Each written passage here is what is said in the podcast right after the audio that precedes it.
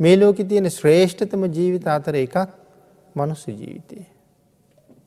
මනුස්ස ජීවිතයක් ලබන්ඩ බොහෝ පින් කරන්න ඕනේ. ඒ පින් කළ යුතු ප්‍රමාණය කොච්චරද කියන කාරණාවවත් විස්තර කරලා මෙච්චරක් කියලා නිමා කරලා ඉවර කරන්න බැරි තරන් කුසල් තියෙන් ඕන මනුස්ස ජීවිතයක් ලැබෙන්ට. ඒ කාරණාව ධර්මයෙන් පැහැදිලි කරෙනකොට තේරෙනවා මේ මනුස්ස ජීවිතය ලබන්ඩ එහෙමනං සංසාරය මම කොයි තරම් පින් කරන්න ඇද්ද කියන කාරණාව එදාට ඒ පුද්ගලයට හිතෙනවා. ඒ තරං මහත්ඵල මහානිසංසදායක කුසල් වල එකතුවීමක් ප්‍රතිඵලයක් තමයි මනුස්ස ජීවිතයක් කියල කිවී. තාම දුර්ල බවූ ජීවිතයක්. බුදුරජාණන් වහන්සේ නම් මේකට බොහෝ උදාහරණ ගෙනහැර දක්වලා පෙන්වා. මේ උදාහරණය මේ අයි නිතර නිතර අහලා තියෙන උදාහරණයක්. හැබැයි ඇහුවට අපි කොච්චර දුරට ඒක ගැන හිතුවද දන්නේ. මේ උදාහරණය සඳහන් වෙන්නේ බාල පණ්ඩිත සූත්‍රයේ. මනුස්ස ජීවිතයක් කොච්චර දුර්ලබද. ආං එතන පැහැදිලි කළා මේ මහසාගරයේ අවුරුදු ගණනාවක නැත්තං අවුරුදු සීයකට සැරයක්. සාගරයේ පතුලීඉඳලා කැස්බෑවෙක් උඩට එනවා. එය අවුරුදු සීයකට එක පාරයි එන්නේ. එක ඇහැක් කණවෙච්ච කෙනෙ. එතවට මේ සාගරය කියන උපමාව විතරක් අපි කල්පනා කරන්නකු පිනතින සාගරයේ කොච්චර ලොකුද.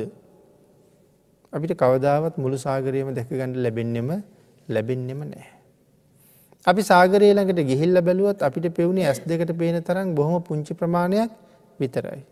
හැබැයි අපිට පෙනුනට වඩා ලක්ස ගණනකින් සාගරය ඉතාම විශාලයි. එතකොට මේ දැවන්ත සාගරයෙන් මේ සත්වයා කොහෙන් මතුවේද කියලවත් අපිට හිතාගණ්ඩ හිතාගන්න බෑ. එතකොට මෙයා උඩට එන්නේ අවුරුදු සීයකට එක පාරයි. මිලකට සඳහන් කරනවා මේ සාගරයේ තියෙනවා වැටිලා විය ගහක්. ඒ වියගහහි තියෙන එක සිදුරයි. මේ වියගහත් සිව් දිසාවෙන් හමන හුළඟින් සිව් පැත්තරම පාවිවී පාවිවී තියෙනවා. අපිට හිතන්ඩ පුළුහන්ද අවුරුදු සීයකට වතාවක් උඩට එනාර කැස්පෑවට මේ විය ගහ හම්බවී කියලා. එයා කොහෙන් එයිද විය ගහ කොහිතියේද කියලා හිතාගණ්ඩ බැකවදාවත්. මෙයාට වියගහ හම්බ වෙනවා කියන කාරණාව නෙමෙයි එතන තියෙන්නේ. මෙයාට හම්බවෙන්ඩ ඕන වියගහේ අර තනි සිදුර ආං සිදුරෙන් මෙයාගේ හිස ඉහලට පොවන්ඩ ඕනේ. මේ කාරණාව සිද්ධ වෙයිද කියලා භික්‍ෂූන් වහසලගෙන් භාගිතුන් වහස යහුවා. භික්‍ෂූන් වහසල සඳහන් කලා ස්වාමීනී. ඉතාමත්ම කලාතුරකින් මේක වෙන්ඩ වෙන්ඩ පුළුවන් ඒක ඉතාම අහඹු සිදුවීම. බහෝම කලාතුරකින් වෙන්ඩ පුළුවන් වෙන්නේ නෑ කියලම කියන්න බෑනේ කලාතුරකින් වෙන්ඩ පුළුවන්. අන්න ඒ කලාතුරකින් වෙන්ඩ පුළුවන් කියන කාරණාව භාග්‍යතුන් වහස දේශනා කරනවා ඒක ඉතාම සුලබව වෙනවා. හැබැයි මේ මනුස්ස ජීවිතය යම් දවසක අහිමි වෙලා වෙනත් පහත් ලෝකයක උප්පත්තියක් ලැබූ. නැවත මනුස්ස ජීවිතයක් ලැබෙනවා කියන එක ඊට වඩා අතිශයිම්ම දුර්ලභ කාරණාවක් කියලා. එහෙම නං මේ හම්බ වෙලා තියෙන මනුස්ස ජීවිතය වටිනාකම කොයි තරන්ද කියන කාරණාව අපිට හිතා ගණ්ඩවත් බෑ. මේ ලෝකයේ අමිල වූ වස්තුවක් මනුස්ස ජීවිතය කියල කියන්නේ.